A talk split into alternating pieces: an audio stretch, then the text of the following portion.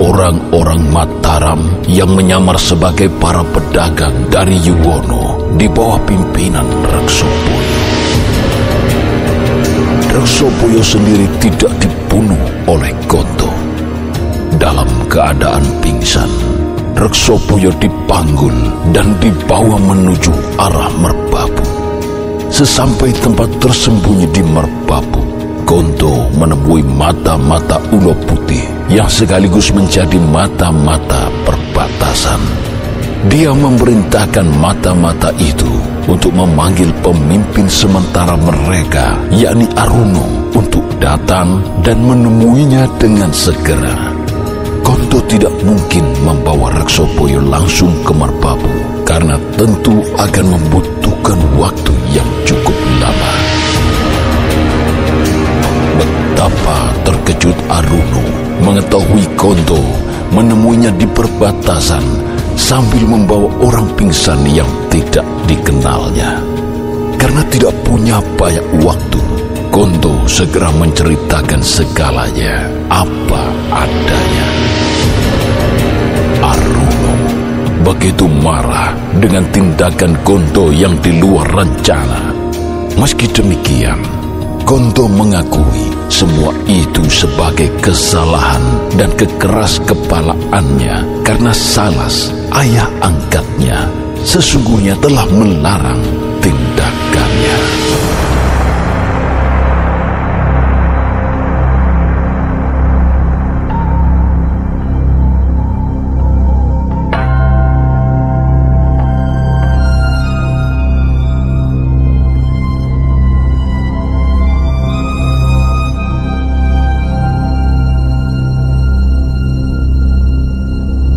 Jadi, sebenarnya salah sudah memperingatkanmu. Benar Empu. Tapi apa boleh buat? Semuanya sudah terjadi. Maafkan segala keteledoran saya. Semula saya pikir rencana saya akan berhasil. Tapi ternyata benar-benar di luar dugaan saya. Ceroboh sekali kamu, Gonto. Kamu telah bertindak tanpa sepengetahuanku dan mengabaikan peringatan. Semuanya menjadi begini berantakan. Ditambah lagi, kamu membawa orang Mataram ini kemari. Yun Pangapunten. Semula saya ingin menghabisi saja sekalian. Tapi saya menjadi berubah pikiran hingga membawanya kemari. Siapa tahu kita bisa mendapatkan keuntungan jika dia dibawa ke sini.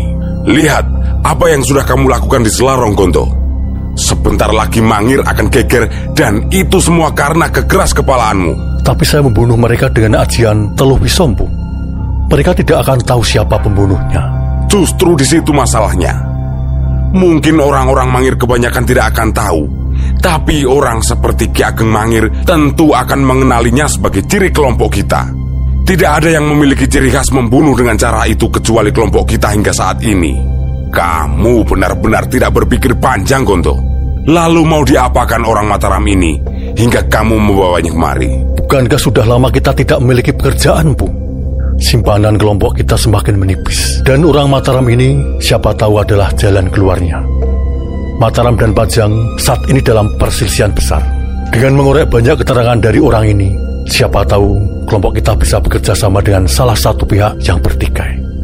Besar atau kecil yang kita dapat, mudah-mudahan bisa sedikit menyambung keberlangsungan kelompok. Niatmu memang baik, Gonto. Tapi benar-benar jauh dari perhitungan sehingga menjadi kacau semuanya. Kelompok kita sekarang ini tidak banyak, tidak ada yang bisa diandalkan lagi. Siapa pun yang akan kita tawari kerjasama jelas tidak akan tertarik. Kita hanya akan kembali berjaya di saat tombak pusaka baru kelinting sudah ada di tangan kita. Jadi, kalau kamu ingin kelompok kita kembali hebat seperti dulu, cukup ikuti perintahku yang tidak berubah. Tunggulah saat yang tepat untuk bisa menyelinap ke dalam kapusakan yang dijaga ketat itu. Curilah pusaka tombak baru kelinting. Lakukanlah pada malam Anggoro Kasih karena pada saat itu kadar kekuatan gaib dalam tombak sedang kembali seperti awal. Kembali seperti saat Raden Baru Kelinting belum menambahkan kawisesanya sendiri di pusaka itu. Dengan demikian, tombak itu akan bisa disentuh dan dipegang oleh siapa saja, termasuk olehmu. bawalah ke merbabu dan selanjutnya biarlah tombak itu menjadi urusan ayahmu, Margapati. Masih kurang jelas apa perintahku ini, Gonto? Sekali lagi, maafkan saya, Empu. Saya memang ceroboh dan belum bisa berpikir panjang. Jadi sekarang, saya harus bagaimana, Empu? Semuanya sudah terlanjur. Orang Matarami sudah kadung saya bawa ke sini. Apa boleh buat? Mau tidak mau, aku harus memikirkan langkah lebih lanjut. Aku hanya berharap penyamaranmu tidak terbongkar. Kembalilah segera ke Mangir agar tidak ada yang curiga ketika mereka geger oleh peristiwa Selarong. Biarkan orang Mataram ini menjadi urusanku selanjutnya.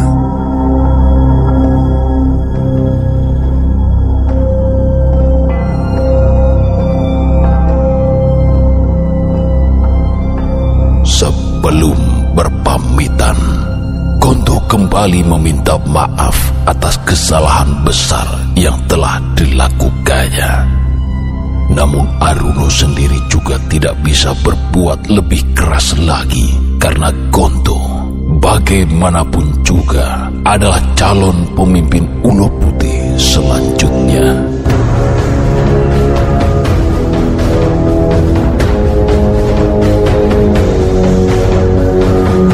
Seusai Konto kembali ke Mangir, Aruno memerintahkan dua anggota yang bersamanya segera membawa tubuh Reksoboyo yang pingsan menuju wilayah utama mereka.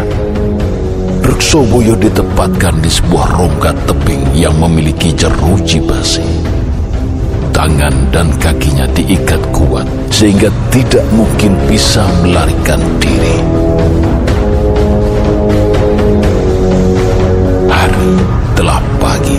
Saat Reksoboyo mulai tersadar dan kebingungan dengan tempatnya kini berada. Namun belum sempat dia mulai menyadari segalanya. Beberapa orang bertubuh kekar membuka jeruji besi dan berdiri di hadapannya. Salah satu dari mereka memegang besi membara. Besi itu digariskan ke wajah Reksoboyo hingga membuatnya berteriak sekencang-kencangnya.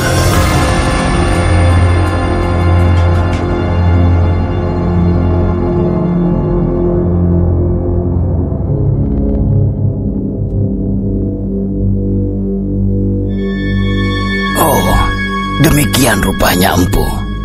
Saya tidak tahu bahwa yang membawa tahanan itu ke perbatasan justru Gondo sendiri. Kebetulan saat itu, saya sedang memata-matai perbatasan timur dan setiba di sini tidak ada yang menceritakannya pada saya. Ya, sebenarnya tidak ada yang menarik untuk diceritakan dari tahanan itu, Wirosono. Tidak berguna sama sekali. Dia adalah bentuk dari kesalahan Gondo yang tidak termaafkan dan benar-benar merusak semuanya. Itu masih belum ditambah dengan kebodohannya membunuhi satu persatu anggota kelompoknya sendiri hingga penyamarannya terbongkar dan terbunuh. Nyuhun pangapunten Ki. Bukankah tahanan itu bisa kita manfaatkan untuk menjebak orang-orang mangir yang menuju kemari? Untuk apa Wirosono? Tahanan itu sebenarnya juga tidak berguna bagi Mangir. Menurutku, Mangir datang kemari hanya untuk membereskan kita hingga tuntas, bukan membebaskan tahanan bernama Reksoboyo itu. Mereka hanya tidak ingin peristiwa Selarong terjadi lagi. Oh, begitu empu. Padahal, menurut anggota yang lain, Reksoboyo sudah disiksa sedemikian rupa, diselomot besi panas, dicambuki di panas terik hingga kulitnya mengelupas. Luka-lukanya disiram garam, dipukuli dan sebagainya. Tapi tetap tidak ada yang bisa kita dapat hingga saat ini. Ya mungkin karena memang tidak ada hal penting yang dia tahu Wirosono. Iya, bisa saja memang demikian empu. Menurut anggota yang menyiksanya, di titik hidupnya hampir menyerah. Rasoboyo saat itu hanya berkata lirih bahwa siapa pun juga yang bisa membebaskannya. Kepada dialah dia ingin mengabdi. Tapi jika dia harus mati di tempat ini, dia juga tidak keberatan.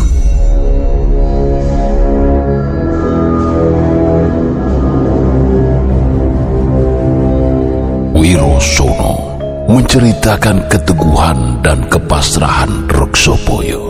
Meski telah disiksa sedemikian rupa, utusan Mataram itu tetap tidak memberikan keterangan yang berarti. Di tengah pembicaraan tentang Reksopoyo, Wajrapani, salah satu anggota Ulo Putih, datang dengan tergesa-gesa. Kedatangannya memang ditunggu karena dia juga memiliki tanggung jawab untuk mengamati pergerakan rombongan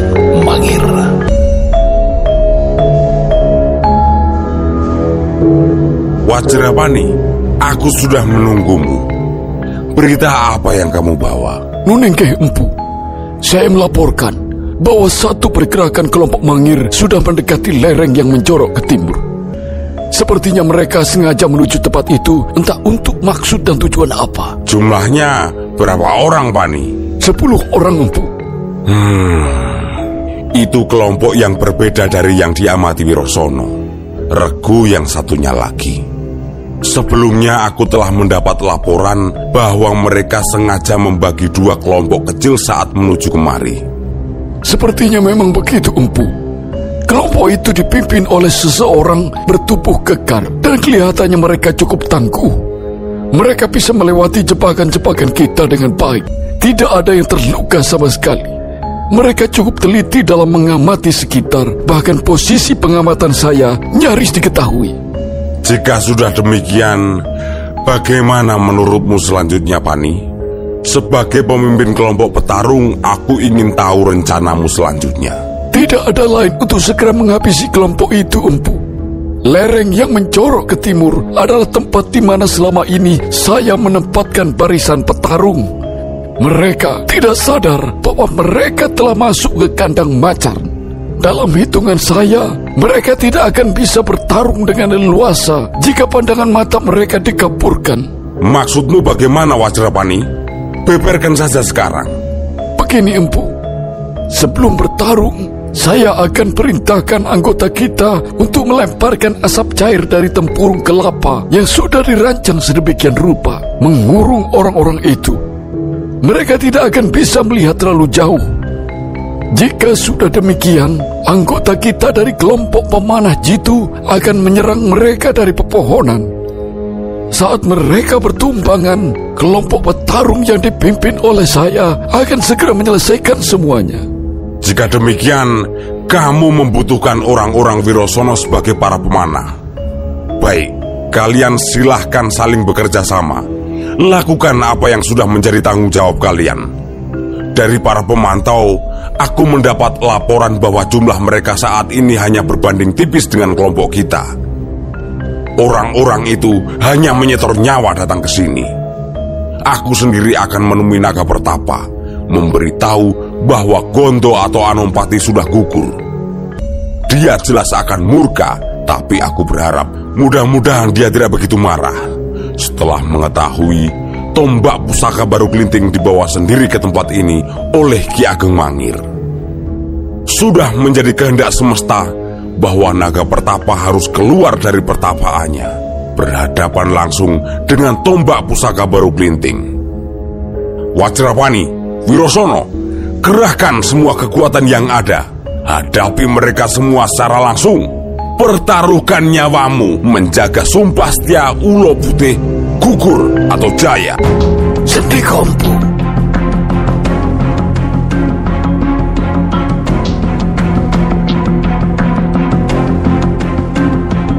Wajrapari dan Wirosono segera undur diri untuk mempersiapkan segalanya. Aruno juga meninggalkan pesanggrahan dengan segera. Sementara itu, sepuluh anggota semut demit yang dipimpin oleh Wardo telah berhasil mencapai lereng yang mencorok ke timur. Setelah mereka semua berkumpul dan beristirahat beberapa halaan nafas, Wardo mulai menyadari bahwa Regu Gondo tidak kunjung datang juga di tempat itu. Warto kemudian memutuskan untuk melepas burung merpati sesuai yang disepakati sejak awal. Namun baru saja tanda itu akan dilepas, tiba-tiba di sekeliling mereka berjatuhan banyak cairan. Cairan itu segera berubah menjadi asap yang mengepung pasukan Warto. Menyadari ada serangan, Warto memerintahkan pasukannya bersiaga. Asap tebal mendadak menyulitkan pandangan. Dalam kepanikan itu, tiba-tiba sebatang anak panah menancap di dadanya. Warto merasa dadanya terbakar dan saraf-saraf tubuhnya menegang dengan cepat. Nafasnya seakan berhenti. Di detik-detik pikirannya masih bisa digunakan. Warto segera melepaskan merpati di tangannya. Tanda itu terbang dengan segera. Namun dari pandangannya yang mulai kabur, Warto masih sempat menyaksikan beberapa anak panah beterbangan memburu binatang itu di udara. Ketika Warto mulai jatuh ke tanah, dilihatnya dua prajuritnya juga tumbang dengan mata melotot. Leher mereka tertancap anak panah. Bersamaan dengan itu pula, seluruh tempat itu telah menjadi ladang asap tebal. Warto pun mengatupkan kedua matanya.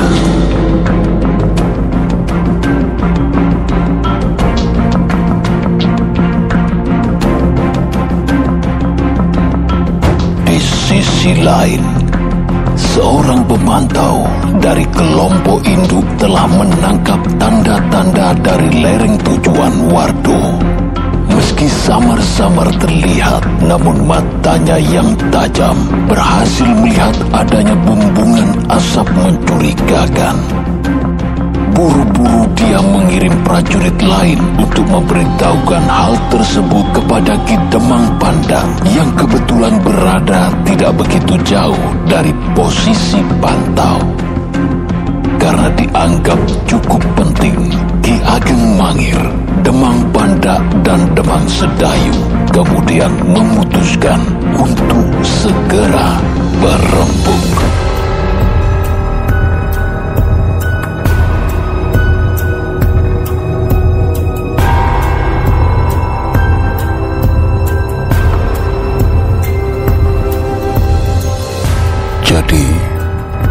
Panjenengan bagaimana Ki Temang Panda? Tanda dari kelompok yang sampai di lereng yang menjorok ke timur itu belum muncul juga. Tapi justru kita melihat bumbungan asap di sana. Terus terang, ini sangat membingungkan Ki. Kita tidak tahu asap itu dibuat oleh para prajurit kita atau oleh musuh. Sementara kita juga belum mendapat kabar dari Ki Patal maupun Ki. Saya sangat khawatir asap itu merupakan pancingan dari musuh agar kita segera menuju ke sana dengan segera. Ini sangatlah berbahaya sekali karena bisa saja kita diserang di tengah perjalanan saat kita terburu-buru ke sana. Perjalanan yang demikian sering membuat kita tidak waspada dan menjadi tidak memperhatikan sekitar. Hmm. Lalu saran panjenengan bagaimana jika situasinya demikian? Tentu saja kita harus menahan diri untuk tidak terpancing Ki Ageng. Kita sebaiknya tetap menunggu tanda dari para prajurit kita sesuai dengan rencana semula. Hmm, baik. Kalau menurut panjenengan bagaimana Dimas Sedayu? Nyuwun pangapunten Ki Ageng. Saya justru khawatir jika sebenarnya prajurit kita sudah ada yang sampai di lereng itu, tapi diserang Ki. Bisa saja mereka belum sempat memberi tanda kepada kita, namun keburu diserang. Jadi menurut saya, kita harus segera menuju ke sana secepat mungkin. Lalu, bagaimana jika itu ternyata pancingan seperti yang dikatakan Demang Panda? Yang paling utama kita tetap waspada dalam perjalanan menuju ke sana, Ki Ageng. Saya benar-benar khawatir jika kita terlambat datang, sementara seluruh anggota semut demit pada akhirnya banyak yang gugur di lereng itu. Baik, saya memilih saran dari Demang Sedayu. Karena Ki Patol dan Ki Jodok tidak ada, seluruh prajurit akan langsung di bawah kendali Demang Sedayu juga. Sekarang, mari persiapkan segalanya secepat mungkin. Kita berangkat saat ini juga.